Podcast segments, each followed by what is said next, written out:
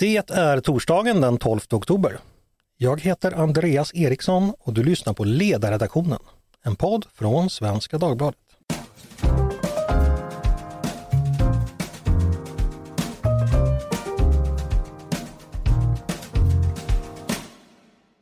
Varmt välkomna till oss igen.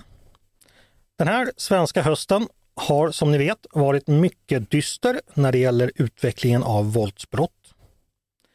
Till och med den 30 september hade 42 människor skjutits ihjäl i Sverige i sammanlagt nästan 300 skjutningar. Och 80 personer har dessutom skadats. Och de här siffrorna har då förstås ökat under den tid som har gått sedan dess under oktober. Våldet är förstås en stor tragedi för de som drabbas direkt och deras anhöriga. Men det får också större konsekvenser. Det har väl inte minst märkts nu under hösten då allmänheten och mediernas intresse blivit allt större på den våldsamma utvecklingen. Våldet påverkar oss helt enkelt väldigt mycket. Den påverkar vår trygghet, påverkar hur vi ser på varandra och på vårt samhälle, hur vi mår, hur vi känner och vilken grad vi litar på varandra. Det här har vi haft upp i podden tidigare. Jag tänkte att vi skulle försöka fortsätta att diskutera det idag. För vad betyder den här typen av grovt våld som har drabbat Sverige i ett större och längre perspektiv? Hur påverkas människor som bevittnare, som lever mitt ibland det? Hur påverkas samhället och dess institutioner? Går det att se några effekter på längre sikt och går det rent av att räkna på kostnaderna? För att reda ut detta har jag med mig två gäster, nämligen Oskar Eriksson, nationalekonom och docent vid Uppsala universitet på Institutet för bostads och urbanforskning. Varmt välkommen hit Oskar! Tack! Och Kristoffer Boman, trygghetsstrateg på Idéer för livet på Skandia och tidigare polis med lång erfarenhet från att arbeta med grov brottslighet i utsatta områden, exempelvis Järvaområdet i Stockholm. Varmt välkommen du också Kristoffer! Stort tack! Jag tänkte börja med dig Oskar och vad som först fick upp mitt intresse för den här frågan.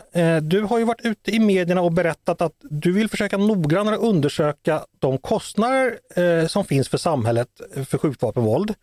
Hittills har man ju mest räknat med direkta kostnader, alltså de uppenbara för vad polisen och sjukvården kostar. Men du vill också titta på de indirekta kostnaderna. Oskar, kan du berätta lite exakt vad är det någonting du tänker på som du tycker är värt att undersöka närmare här? Alltså det stämmer precis att vi vill på något sätt tillhandahålla liksom kunskaper om de här indirekta kostnaderna och skjutningarna. Och det vill säga, det vi vill studera är liksom hur påverkar skjutningar individer och hela bostadsområden. Alltså, eh, det vill säga de personer som bor i de drabbade områdena där det har skjutits. Och man kan ju tänka sig på att de här kan drabbas på olika, olika sätt. Men som sagt, vi har ju hört i, i media under lång tid nu att, att folk känner en rädsla och oro till följd av skjutningarna. Den här rädslan och oron är ju i sig väldigt tragisk och, och tråkig att, att folk känner på det viset. Men det som man vill veta också är i vilken utsträckning den här, den här rädslan och oron tar sig uttryck i, i andra typer av utfall för individer, alltså negativa utfall. Så det är det vi vill undersöka inom, inom ramen för det här projektet. Och exempel på den här typen av negativa utfall, ja det är ju psykisk ohälsa till exempel. Hur det påverkar skolresultat bland, bland barn i de här områdena. Hur det påverkar sjukskrivningstal. Om, om folk blir sjukskrivna till följd av att de mår dåligt av att det har skjutits. Och det påverkar att, leder till att folk flyttar ifrån de här områdena när det, är, när det har skjutits. Och också hur, hur skjut, skjutvapenvåld i stort påverkar rörelsemönster? Är det så att, att det här faktiskt har hämmande effekter på, på folks vardag i det att de kanske stannar inne i större utsträckning på kvällarna eller att de tar omvägar förbi de här områdena när det har skjutits? Så att, så att alla de här effekterna och de här utfallen, de i sin tur har, är ju saker som man faktiskt kan sätta ett pris på i, i ekonomiska termer. Till exempel en sjukskrivning kostar både individer såklart pengar, men, men det kostar också samhället pengar i termer av sjuk, sjukpenning och liknande. Så, så att det här är på något sätt att bidra med input till beräkningen av de här indirekta kostnaderna till följd av skjutningar. Och varför är det här viktigt? Vad ska vi väl göra med den här kunskapen när vi har den, tänker du? Alltså jag skulle säga att det är jätteviktig kunskap att, att känna till. För att så, så, precis som du sa, vi känner till, vi har rätt så bra koll på de här, eller relativt enkelt att beräkna de här direkta kostnaderna till följd av skjutningarna. Det vill säga skjutningar för polisväsendet och för vård och rehabilitering av, av, av offer och, och även för, för rättsväsendet, fängelsevård eller kriminalvården och liknande. Men, men de här indirekta kostnaderna som tillsammans med de här direkta kostnaderna utgör totalkostnaderna för skjutningar är väldigt viktiga att känna till. För känner vi inte till dem, ja, då är det väldigt svårt att göra de här avvägningen. Hur mycket ska vi investera i brottsförebyggande åtgärder? Den kostnaden ska, ska då liksom vägas mot nyttan. Alltså det vill säga, vad är det vi slipper om vi, om vi blir av med skjutningarna? Och då är det så att vi slipper de här indirekta konsekvenserna av skjutningar, de här direkta konsekvenserna av skjutningar. Ja, precis. För att kunna göra den här avvägningen måste vi känna till de här direkta kostnaderna. Det är indirekta kostnaderna. Men det som också ska sägas är att veta vilka platser det är som påverkas av skjutningarna. Vilka områden, hur, liksom hur stor geografisk spridning de här, eh, de, här, eh, eh, de här skjutningarna har. Och även hur det sprids i sociala nätverk och, och, liksom, och, och bland individer. Det är väldigt viktigt att känna till för om man tänker för eh, arbetet efter en skjutning, men även arbetet före. Så att liksom vi, om vi ska ha stödgrupper, om kommuner ska eh, engagera fältarbetare, terapeuter och liknande för att ta hand om de här individerna som, som drabbas, så måste vi till att börja med känna till vilka det är som drabbas. Så, att, så att den tanken med projektet är också att kunna studera hur de här effekterna sprider sig. Dels geografiskt. Vi kan tänka oss att där när skjutvapenvåldet sker, det är liksom epicentret i en, i en jordbävning. Men vi kan också tänka oss att de här att, att effekterna sprider sig ut över ett större område. Och, och, det här vet vi väldigt lite om, hur, hur stora de här spridningseffekterna är. Mm. Sen, har vi också, sen vet vi från tidigare forskning att, att våld kommuniceras dels via media såklart. Så, att, så media spelar en roll i det här också, att det får spridningseffekter i större, större område bland fler individer. Men också via sociala nätverk. Till exempel man pratar med sina kollegor på en arbetsplats. Är det någon som har drabbats av, av det här i sitt bostadsområde, ja, det kan ju tänkas påverka eh, eh, vännerna och kollegorna på arbetsplatsen också indirekt. Så att, eh, Tack för det. Vi, vi ska snart återgå där du ska få berätta eh, mer om hur du tänker att den här undersökningen ska gå till. Jag ska bara släppa in Kristoffer här. Eh, du har ju den praktiska erfarenheten så att säga och för dig är det väl alltid uppenbart att våld har stor, större konsekvenser än just där på platsen. Men eh, vad tänker du när, när du hör Oskar resonera? Vilka skulle de här indirekta kostnaderna skulle kunna vara tror du? Och vilka liksom mer långsiktiga effekter finns det av det här våldet bortom själva händelsen så att säga? Ja, men innan, innan vi tittar praktiskt på den så skulle jag vilja säga att jag delar Oskars eh, syn på att de här typerna av utredningar och eh, forskningar är väldigt viktiga satt mot att vi kan eh, påvisa vikten av de tidiga insatserna. Eh, för att med riktigt, riktigt tidiga insatser så slipper vi de här typerna av kostnader. Och bara för att liksom ge lyssnarna någon form av indikator på vad saker och ting kan kosta eh, så eh, fick jag senast idag en siffra om att en, en, en ett brott i form av till exempel en misshandel som slutar med att en ung person hamnar på en SIS-institution kostar samhället ungefär 3 miljoner kronor eh, för en 10 månaders placering. Eh, och det är klart att i, i, i i en sån scenario, både, utifrån både ekonomiskt hänseende men även människolidande, så skulle ju tidiga insatser som förebyggde den där händelsen vara eh, klart mer eh, viktiga. Eh, jag, kan, jag kan se idag ett Sverige som är rädd eh, på ett annat sätt än vad jag har upplevt under hela min karriär. Eh, jag var i en skola igår i norra Stockholm där jag får höra att eleverna där har börjat sluta ha på sig sina eh, markörer i form av liksom de här eh, väskorna som, som eh, kallas för becknarväskor och Gucci-kepsar för att man är rädd för att bli skjuten helt enkelt. Och man, ungdomarna där har slutat gå på kvällsaktiviteter som är öppna, som, som kommunen arrangerar, som har varit välfyllda tidigare på helgerna för att man är rädd. Eh, jag har pratat med väldigt många vuxna som antingen har flyttat eh, den senaste tiden, bytt stad och som faktiskt också pratar om att flytta utomlands. Så vi ser ju eh, på riktigt konsekvenser av det som pågår och jag är också rädd att vuxenvärlden tar ett steg tillbaks när vi alla behöver ta ett steg framåt och göra saker nu, allihop och hela samhället. Oskar, tillbaka till dig. Det här tycker jag ändå känns som det visar lite på en utmaning för att det, det, är klart det är tråkigt med ungdomar som avstår från att gå på, på fotbollen eller på musikskolan eller på ungdomsgården. Eller sådär. Men samtidigt känns det som en svår sak att sätta pris på. Eh, hur tänker man som forskare här kring ett, eh, exempelvis den effekten att, att ungdomar helt enkelt lägger ner sina fritidsaktiviteter? Hur, hur, hur, eller hur tänker du kring det?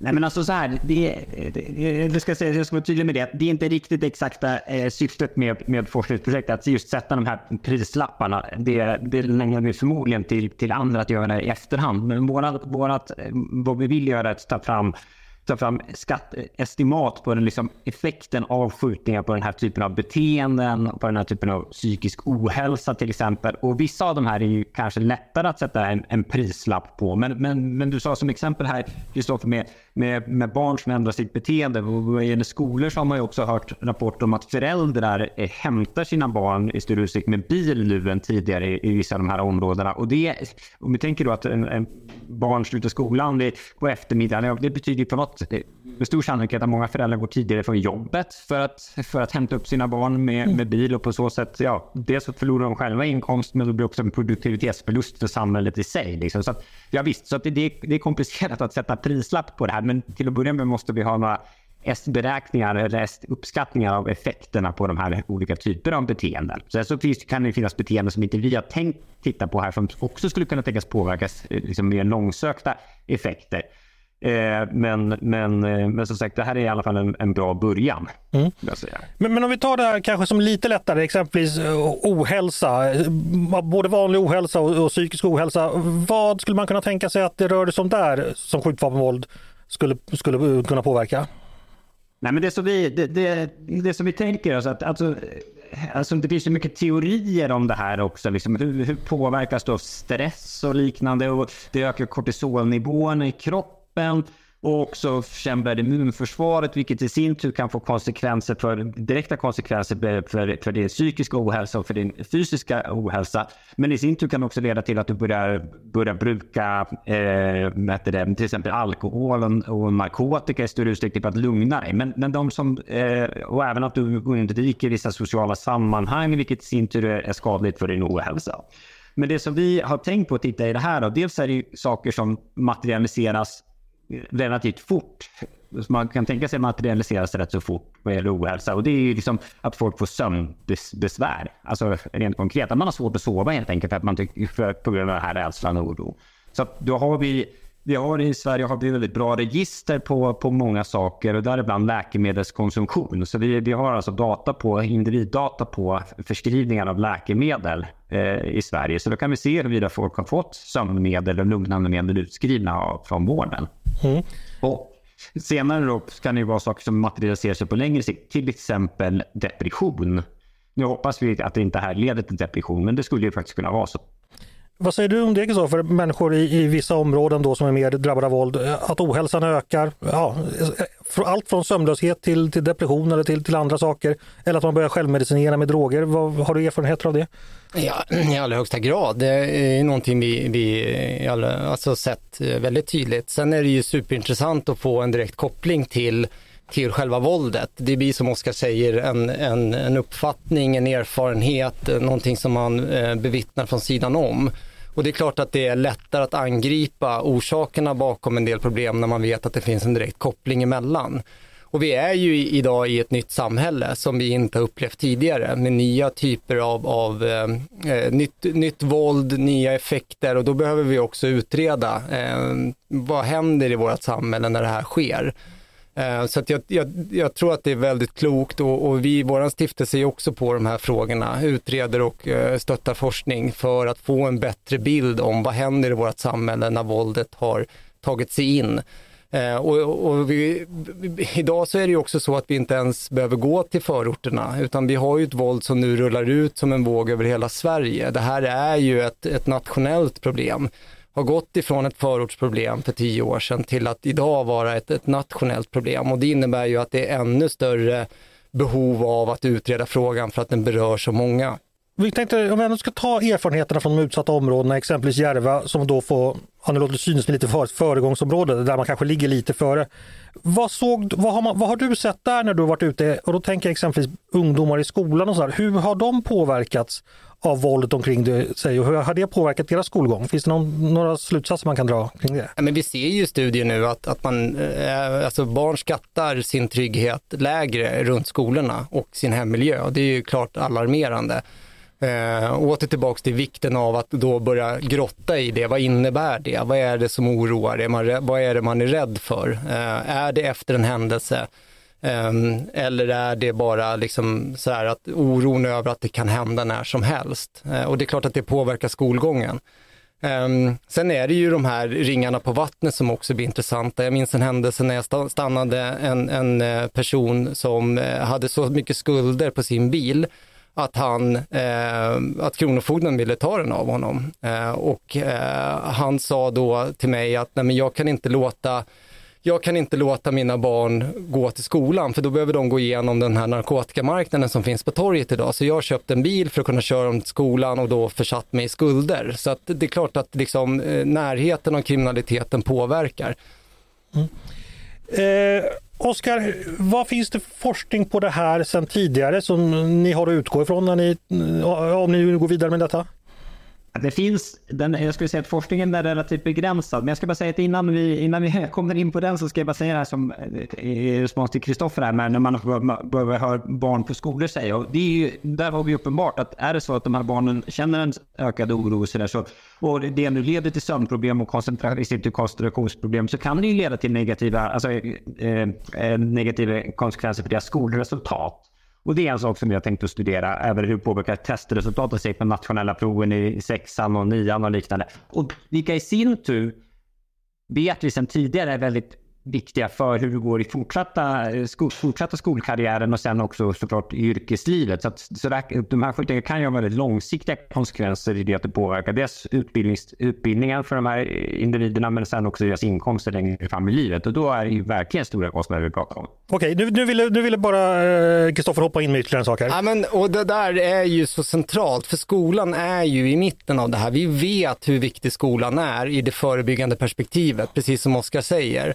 Ehm, vi måste få ut väldigt mycket fler, framförallt unga män genom hela skolgången, inklusive gymnasiet, för att få ut folk i arbetsmarknaden. Det här är ju enorma samhällskostnader och också risk för att unga går in i kriminalitet. Och då behöver vi liksom verkligen bena i de frågorna.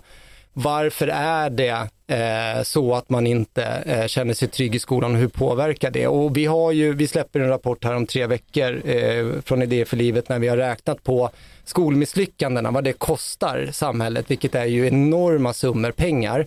Men det är ju också intressant att liksom djupdyka det ytterligare lager och titta på själva våldet kopplat till skolmisslyckanden. Mm. Okej, då släpper vi in eh, eh dig Oskar med tidigare forskning. Vad, vad, vad finns det? Alltså, man tittar mycket på konsekvenserna av brottslighet generellt, liksom hur det påverkar alltså rädsla, oro och, och välbefinnande och liknande. Vad gäller skjutvapenvåld, alltså nu, nu pratar vi framförallt här om skjutningar, men vi har även många explosioner i Sverige och detonationer av, av sprängmedel som vi också har tänkt att studera inom ramen för det här projektet. Men det som ska sägas då är att eh, forskning på det här är relativt begränsad. Det kommer framförallt från, från USA och Sydamerika. Och där ju, om vi tittar på USA då, så har man framförallt studerat eh, konsekvenserna av massskjutningar och skolskjutningar. Och massskjutningar, det är alltså när fler än eh, fyra eller fler individer har, har, har avlidit. Och det man har hittat då är att mass, områden som utsätts för massskjutningar, då, där är den allmänna eh, psykiska hälsan lägre eh, eh, till följd av de här skjutningarna. Man har också tittat på, på skolskjutningar och sett hur det här påverkar individer som bor nära skolor där det har varit en skolskjutning och man har sett att det är en ökad, eh, ökad eh, förskrivningsnivå av, av eh, psykofarmaka, det vill säga antidepressiva medel och, och lugnande medel och sömnmedel. Och man har också sett att, att de här skolskjutningarna har konsekvenser för skolresultaten, också utbildningskarriären och på inkomsterna senare i livet. Så, så det, finns väldigt, eh, det finns forskning på det här och även lite från Sydamerika också. Men, men som sagt, det som ska sägas är att både USA och, och eh, länder i Sydamerika de skiljer sig mycket från Sverige. Det att liksom, brottsnivåerna är till att börja med högre. Eh, man har inte samma välfärdsstat i många av de här länderna som vi har i Sverige. Så att eh, ena sidan har vi ett skydd i Sverige men å andra sidan så är det en kostnad också mer direkt kostnad för staten och för samhället om, om de här typerna av, eh, det, eh, om det blir de här typerna av effekter. Så, att, så att det finns ett värde av att studera även Sverige och de skjutningar som vi tittar på i Sverige är ju tydligt nog, de är tragiska händelser men det är tydligt nog inte massskjutningar och inte, inte skolskjutningar. Så att det är mer det är fel att använda ordet normala skjutningar, men, men, men eh, i relation till de amerikanska och sydamerikanska skjutningarna. Men normala. ändå lite dystert att säga så här, vi behöver gå till forskning från USA och Sydamerika här för att vi har ingen från Sverige och Europa. Nej, jag ska, jag ska precis säga det. Det finns en finsk studie som faktiskt har tittat på testresultat bland, bland barn i, i, i Finland och som, som ska skriva nationella prov eh, till, efter en skolskjutning i Finland. Och där har man hittat just att det eh, hade negativa effekter, framförallt på, på pojkar. Det vill säga att då, det här var, var negativt för dem. Och, och, slutsatsen på det är dels att, man, att, man, att det här, de här typerna av våldsincidenter har spridningseffekter. Men också att, att man måste kanske tänka till då när man utformar skolan och den här typen av viktiga prov. Att, ja, men vet vi att, att ett område har drabbats av en skjutning precis innan ett nationellt prov i svenska eller matte eller engelska. Så, ja, då kanske vi ska flytta på det här provet. För att om vi vet att det faktiskt har effekter på de här proven som är så pass viktiga för att ta sig in vidare i fortsatt utbildningssystemet så, så kan det vara, vara värt att tänka över det. Så att, ja. Mm. Kristoffer, utifrån din erfarenhet eh, från, från fältet, när en skjut eller en skottlossning, ett skjutvapenmord inträffar i ett område, hur, hur, påverkas den närmaste omgivningen? Finns det några generella slutsatser av vad som brukar hända? Och, alltså, då menar jag inte den själva familjen utan just grannskapet och, och, och trakten så att säga. Försöka se om det finns liksom väldigt tydliga likheter. Jo men alltså jag, man, man kan väl se att det finns ett lokalsamhälle som såklart drar sig undan eh, och, och blir rädda eh, ändrar sina rörelsemönster, i, precis som exempel vi har varit inne på tidigare med att man hämtar och, och, och lämnar på ett annat sätt. Jag tycker den är, den är svår att generalisera. Jag tror att det här är någonting som vi tittar på eh, och, och, ska utreda själva just nu, där man liksom mer datamässigt kan se jag skulle vilja se, finns det, vi, det är en uppfattning vi har, så kan jag säga, en uppfattning vi har det är att man får ett ändrat eh, liksom rörelsemönster. Eh, man går inte ut lika mycket som man har gjort tidigare, eh, man, man drar sig undan. Men förhoppningsvis kommande år så ska vi också titta lite närmare från vårat håll om det finns, liksom, går det att mäta att vuxenvärlden drar sig undan? Men det är klart att det här är någonting som hamnar i samtalsämnet vid matsalsbordet hos alla i närheten, unga som gamla. Eh, och en sak som jag kan se är ju också att det, det går igång eh, där man liksom lokalsamhället nästan också oroar varandra. Mm. Eh, Facebookgrupper är ju en sån där en grej som... Nu är helikoptern uppe igen. Ja men exakt så. Eh, och, och Facebookgrupper kan ju vara bra när man liksom informerar varandra om vad som pågår. Men det jag har sett också är ju efter händelser så går de där grupperna igång och kan nästan skapa mer oro än, än, än det har varit innan. De vita skåpbilarna. Ja men verkligen så. Det där är ett typexempel på det. Nu är det en vit skåpbil här igen och så börjar man oroa sig. Och sen skapas ju också, för effekten av den här otryggheten hos vuxna kan ju vara ganska stor. Det handlar ju om förtroendet för myndigheter i slutändan som är superviktig. Eh, vi ser ju nedgång på en del förtroendedelar nu kopplat till offentlig sektor. Eh, man kan också se att det blir en polarisering. Man vill gärna peka ut en grupp eller en plats eller någonting som är skyldiga för det här och det sker oftast mycket i de här Facebookgrupperna så de är inte alltid positiva. Eh, en fråga till dig Oskar, för att eh, min teori, eller den är ganska intuitiv, att det beror också på eh, platserna är viktiga här och det kanske du som urbanvetare vet någonting om. Exempelvis den här skjutningen på eh, Mälarhöjdens IP som vi hade för några veckor sedan där jag tror det var 200 barn som var där och tränade, tränade samtidigt. Det var en tidig höstkväll. Eh, det fanns liksom ingenting i miljön som, som var hotfull och helt plötsligt slogs den miljön sönder. Eh, man kan ju bara tänka själv ifall man hade upplevt en sån sak som barn. Man skulle komma ihåg det fortfarande 30 år senare. Jag har fortfarande dåliga minnen från när min kompis Johan trillade ner från, från, från klätterställningen och bröt armen. Liksom. Eh, vad finns det att säga om det? Att liksom, på vissa skjutningar och vissa händelser helt enkelt märker oss mer? Kan man tala i sådana termer? Ja, jag vet inte om du, du är rätt person att svara på det, men förstår du vad jag menar? Eh, Oscar? ja, jag, först, jag, förstår vad du menar. Det här är någonting vi har tänkt på också. Såklart är det ju så att eh, liksom, eh, ett, alla skjutningar är ju väldigt tragiska när de involverar, när de har offer och, och, och, och som drabbas direkt. Liksom. Men sen är det ju så, vi vet ju liksom, vi, vi, har, ju, vi har ju data på, på det, än så länge har vi data på alla skjutningar i Sverige sedan 2016. Så att, i, i Sveriges fyra, fyra största städer, Stockholm, Göteborg, Malmö, och Uppsala. Så vi kan vi vet vi ser ju vart de här skjutningarna har skett någonstans. Vi har koordinaterna på skjutningarna. Och vi vet också om det har varit någon skadad eller avliden i, i de här skjutningarna. Men det, vi, det första vi noterar är att de här skjutningarna tenderar att vara klustrade. Det är vissa områden som är, eh, som är mer drabbade än andra. Mm. Och då kan vi tänka oss så här att eh, ja, det här, över tiden liksom så eh, desto, desto mer eh, vanligt förekommande den här typen av händelser blir, ja, desto mer risken är att det blir normaliserat. Alltså, det vill säga att de, eh, ja, skjuts det varje vecka, ja, till slut, till slut så så eh, blir det en normal vardag. Liksom, att, att det skjuts. Avtagande marginalnytta på rädslan, så att säga. Ja, mm. precis. Avtagande, avtagande marginalrädsla. Ja. ja. och det är ju riktigt hemskt i, i sig att om det, om det nu är så. Men, men som sagt, faktum är att vi, vi har haft en ökande trend av skjutningar i Sverige de senaste tio åren och, och, och, eh, men, och att de här skjutningarna tenderar att klustras. Så, att, så det är en grej, att det, det sker på områden där det inte har skett tidigare. Ja, då kan vi tänka oss att folk, att det upplevs som ännu mer skräckinjagande. Nu har våldet kommit till, till mig. Liksom. Mm.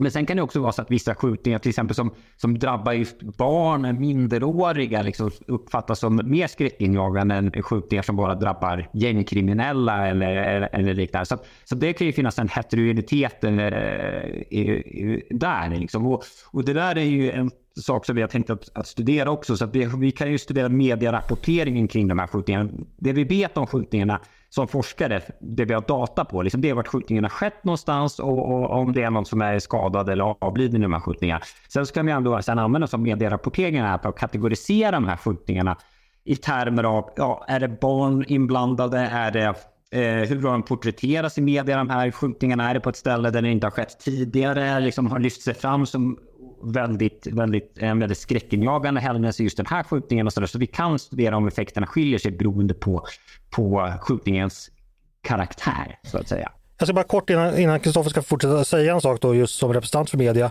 Jag kan ju säga att den här skjutningen på, på IP i södra Stockholm, det var ju i alla fall från vår sida och hur den beskrivs i media tycker jag väldigt tydligt att den skildrar det som att här har någonting nytt skett, här har en gräns passerat.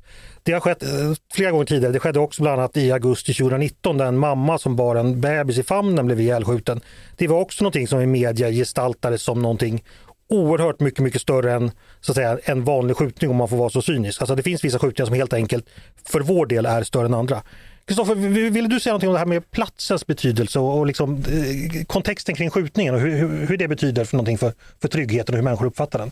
Ja, men om tar vi den här händelsen eh, som, som vi varit inne på nu och, och, där barn bevittnar det här så, så är det klart ett uppenbart trauma för de här barnen och, och tittar vi även på den här enskilda händelsen så så har vi ju eh, sociala medier idag som används på ett helt annat sätt. Det är också nya fenomen som gör att, att den här filmen på det här mordet också går ut till väldigt många fler som också får eh, en påverkan av att behöva se det här.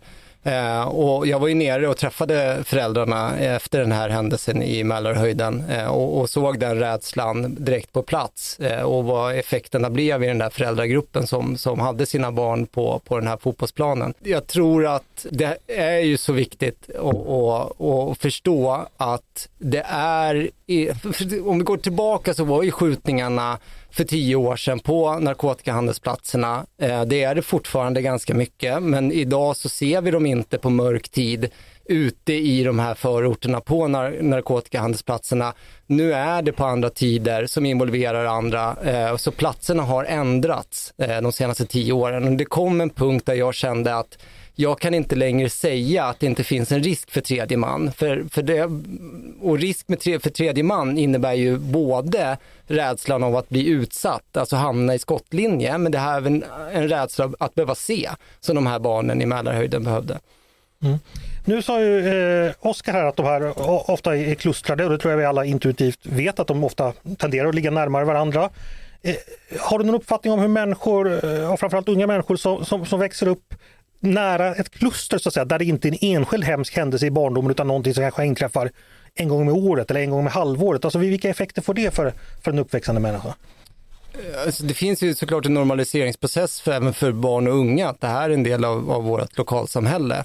Eh, och vi, eh, jag tror också att det blir lite så här, ja men det här sker hos oss, det här våldet finns närvarande hos oss och det skapar också ett utanförskap i att eh, Ehm, det finns ju också en, en, alltså man skildrar ju också skjutningarna på olika sätt. Eh, och, och, det har ju en tendens att, i alla fall om man blickar tillbaka de senaste 15 åren, att det är inte alla skjutningar som har Eh, presenterats eh, på samma sätt i media, utan vissa, vissa skildras på ett sätt och vissa skildras på ett annat sätt. Och klustras det till ett ställe så eh, blir det en normalisering i samhället att man inte skriver om på samma sätt. Och det är klart att de barnen som växer upp på de här ställena där det är ett kluster som upplever det här återkommande känner det. Och det, och det är ju ett utanförskap de känner då. Det är inte lika viktigt där. Jag ska palla in den. Alltså jag ska bara säga att det är självklart det, det, jag menar att det normaliseras kanske, och det har det gjort om man tittar i media. Så skjutningarna tidigare var på första sidorna i tidningarna. Nu har de hoppat ner lite grann, kommer senare i rapporteringen. Och det är ett tecken på att det normaliseras i samhället i stort. Sen har vi haft en uppgående trend den senaste månaden. Liksom. Men det som ska sägas om de här områdena också, att många av de här områdena är utsatta i många dimensioner redan sedan tidigare. Eh, alltså i det att den psykosociala ohälsan är, är, eh, är högre. Alltså folk mår generellt sämre i många av de här områdena. Och om de dessutom utsätts för våld i större och större utsträckning, ja, då, då, då, blir det än värre. Och det, det, kan få konsekvenser i att man hamnar i, om man säger, kallar det forskningen för fattigdomsfällan. Liksom, du ser inga möjligheter att ta dig ut ur den här Eh, ur den här spiralen. Liksom. Dina prospects för att komma vidare i livet eh, grusas av att du dels bor i ett område som stigmatiserats både i, både i media och av andra samhällsgrupper. Liksom. Så att dina framtidsutsikter ser väldigt mörka ut vilket påverkar dina utbildningsvanor och liknande senare i livet. Liksom. Så att det, det är ju väldigt tragiskt. Kristoffer?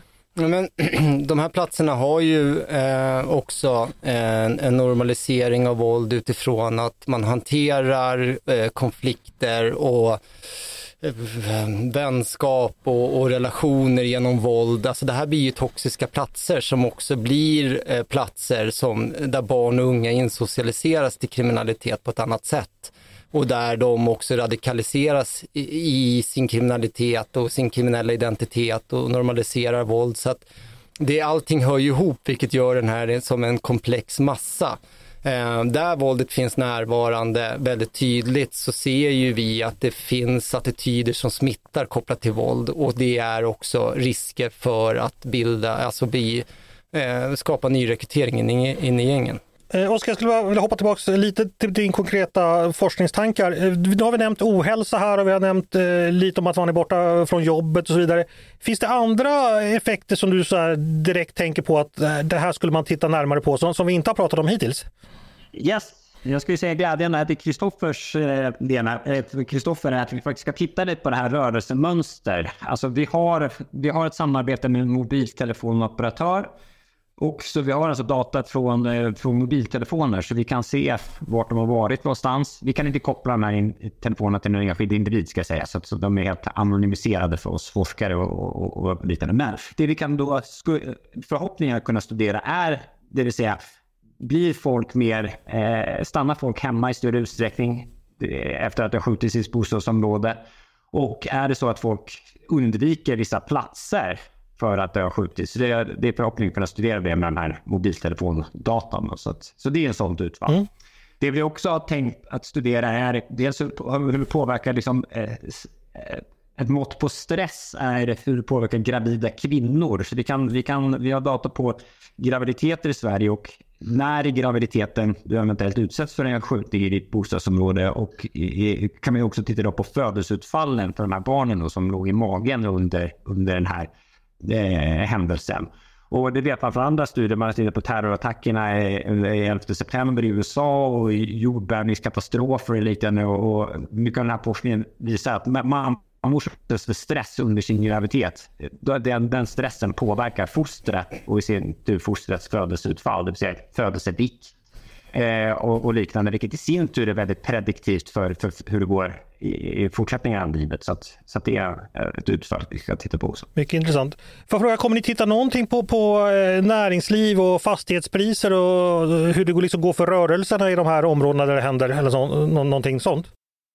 Vi har ett tanke på det på lite längre sikt och titta på näringsliv, alltså hur det går för företag, om det blir företagsnedläggningar och sådär i, de här, i de här områdena. Fastighetspriser har, har, har forskare i Sverige tittat på tidigare, bland annat man lägger som är kriminolog vid, vid Malmö universitet och, och forskare från KTH. Och det de har sett där, de har tittat på skjutningar i, i Stockholm och sett att, det, att skjutningarna har en negativ påverkan på fastighetspriserna i de här områdena, i de drabbade områdena. Och det är också ett tecken på att att det är, eh, det är negativt för individen. Att du, har, att du har en bostad och i och med att det skjuts så, så eh, förlorar du kapital på det här. Så att det har en direkt negativ ekonomisk konsekvens för individen utöver den eventuella psykosociala konsekvenser som den också har. Så, att, så det har man studerat i Sverige eh, som tidigare. Så att det är ingenting vi har plan att göra i det här forskningsprojektet just nu. Just det, kanske, vi ska säga då att det här forskningsprojektet är ju inte igång än. Hur ser planeringen ut? Så, om, det, om det blir som du vill så att säga. Ja, i den, i den bästa världen får vi ju jättemycket pengar och kan lägga enorma resurser på att göra den här otroligt viktiga forskningen. Men vi sitter faktiskt för tillfället och väntar på, på besked från forskningsfinansiärer som ska komma inom de närmaste veckorna här. Så, att, så förhoppningsvis får vi eh, forskningsanslag, vilket gör att vi kan lägga eh, vår tid på den här forskningen och förhoppningsvis komma ut med forskningsresultat så snabbt som möjligt. Eftersom att det här är, dels är det eh, en väldigt aktuell fråga och, och, det är väldigt viktigt att, att, att, eh, få den här kunskapen, att den här kunskapen kommer ut. Så, att, eh, så tanken är att lägga all vår energi och tid på, på den här forskningen om vi väl får pengar för det. Kristoffer, vad säger du ifall Oskar får fram några resultat här? Vad, vad, vad, tror du du kan ge och vad, hur kan det hjälpa oss, hjälpa oss framåt? Nej, men jag går tillbaks till det jag sa. Jag tror att tydliga kostnader för vad det här skjutvapenvåldet eh, ger tillhanda eh, är en hävstång till att kunna motivera riktigt tidiga insatser som också de är dyra. Eh, men det är där vi måste komma i, i Sverige för att få det här våldet att, att sluta på lång sikt vi måste eh, bygga starka barn för att eh, eh slippa eh, laga trasiga vuxna som är ett gammalt utslitet uttryck möjligen eh, och en, en risk för en klyscha. Men, men det är där det ligger. Eh, vi måste kunna påvisa vilka effekter det här är, både på makro och mikronivå. För just nu så är det ju så att det här är någonting som påverkar Sverige på ganska stora plan, eh, där liksom i slutändan kommer det att påverka liksom svensk ekonomi för bilden av Sverige har ändrats och det kommer påverka arbetskraftsinvandring, eh, viljan att investera i Sverige och så vidare. Ner till hur det här påverkar eh, det som Oskar är inne på, på, på individnivå. Så att jag tror att det här är jätteviktigt att få på data och summor på. Mm. Oskar, vad ni skulle kunna göra, nu utökar jag undersökningen här helt anspråkslöst, men, men titta på fej, lokala Facebookgrupper och stämningarna där. Det skulle ju vara ett intressant datamaterial om man kunde operationalisera det på ett vettigt sätt. Ja, absolut. Det, det, skulle vara väldigt intressant att göra. Och Facebook har ju faktiskt i vissa fall delat med sig av sina data. Så, att, så att det skulle ju faktiskt kunna vara en, en, en, möjlig, eh, en möjlighet att studera. Absolut. Uh, och då tänker du mena på hur, hur, hur ser det the general sentiments ut i den här typen av Facebook? Precis, alltså, alltså engagemangsnivå och så kan man göra ordmoln och så vidare och liksom, eh, ja, hur, det, hur man gestaltar det här för varandra helt enkelt. Om det blir det, det, det som Kristoffer varnade för, att man kanske börjar söka syndabockar, man radikaliseras, det skapas ja, liksom helt enkelt den typen av känslor. Man driver kris. Ja, precis. Absolut, och nu finns det väldigt bra så här just textanalysprogram och sånt där också. Så, att, så det, möjligheterna finns ju. Men som sagt, allting det handlar om dels pengar, att få, få pengar för att kunna forska på det här. Men sen handlar det också om, om eh, just tillgång till, till eh, relevanta och eh, trovärdiga data för att kunna studera de här frågorna. Men, men det är en, en, en, eh, jätteintressant eh, grej att kolla på faktiskt. Och när jag ändå är på gång och formulerar forskningsfrågor, eh, det rent akustiska, alltså hur sprider sig ljud i storstäder? Alltså hur många är det som vaknar av skott eller sprängningar? Det har jag funderat på för att jag började in på in exempelvis på, på Flashback ska man läsa då att jag hörde en sprängning här i Solna. Är det någon annan som har hört det? Ja, men det hördes här i Sollentuna också. Och så är det någon som, ja det är från Bromma, det lät som det kom från Hässelbyhållet. Och då inser man kanske att hundratusentals människor riskerar att vakna av den här smällen. Och det kanske inte är så farligt, men, men om man gör det flera gånger så ja, det kan ju också påverkas. Eh, ja, liten bara bisak. Kristoffer, du ville säga något? Nej, men det, det, är ju så. Jag, på min arbetsplats så, så, är ju det tidigt närvarande. Man kommer in och hörde ni smällen och sen relaterar man till det man har läst i tidningen. Och det, det blir lika nära så som att människor i utsatta områden har sett bilar brinna. Eh, det, det blir någonting som är otryggt närvarande. Eh, jag tror att det är ett ganska bra exempel. Mm. Ja, jättebra. Vi vet ju att avbräck i sömnen är, är någonting väldigt dåligt liksom, i många dimensioner. Sen var det här avbräcket kommer ifrån, det är, det är inte alltid jätteviktigt. Men, men, men som sagt, bara att det är ett avbräck i sömnen kan ha dåliga konsekvenser för dig. Hörrni, vi ska ta och eh, knyta ihop säcken lite. Oskar, bara kort, hur ser din eh, tidsplanering framöver gällande den här forskningen ut? Kan du berätta översiktligt? Alltså översiktligt som jag sa där att eh, förhoppningsvis inom några veckor så vet jag om jag har pengar och då kommer jag och min forskargrupp kicka igång det här så snart som möjligt och eh, ansöka om de etiska prövningar vi behöver få in innan vi kan studera till exempel läkemedelsförskrivningar och liknande. Och sen så hoppas vi att kunna få några preliminära resultat under våren kanske så vi eh, eventuellt kommer kunna kommunicera till eh, utanför forskarsamhället.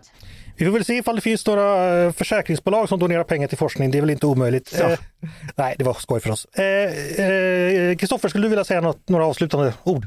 Nej, eh, vi är i en eh, tillvaro just nu med en del eh, uppenbara jätteproblem vi står i och en del mörka moln på himlen. Och, och, just nu så behöver vi eh, leta noga efter kunskaper som kan hjälpa oss i att komma i ett bättre läge. Så det tycker jag att vi har pratat om idag. Eh, Ja, då hoppas vi att vi tillsammans kan hjälpas åt att hitta fler kunskaper helt enkelt. Verkligen. Och lite har vi lyckats med det idag tycker jag. Eh, stort tack Oskar Eriksson, Uppsala universitet och Kristoffer Boman från Idéer för livet på Skandia för att ni gästade mig idag. Tack så mycket. Tack så mycket. Och tack så mycket till er som har lyssnat också. Hoppas ni fann dagens diskussion intressant. Ni som har lyssnat på Ledarredaktionen, en podd från Svenska Dagbladet. Ni är varmt välkomna att höra av er till oss på redaktionen med tankar och synpunkter på det vi precis har diskuterat. Eller om ni har idéer och förslag på vad vi ska ta upp i framtiden. Då är det bara att mejla till ledarsidan snabla svd.se. Dagens producent, han heter Jesper Sandström. Själv heter jag Andreas Eriksson och jag hoppas att vi hörs igen snart.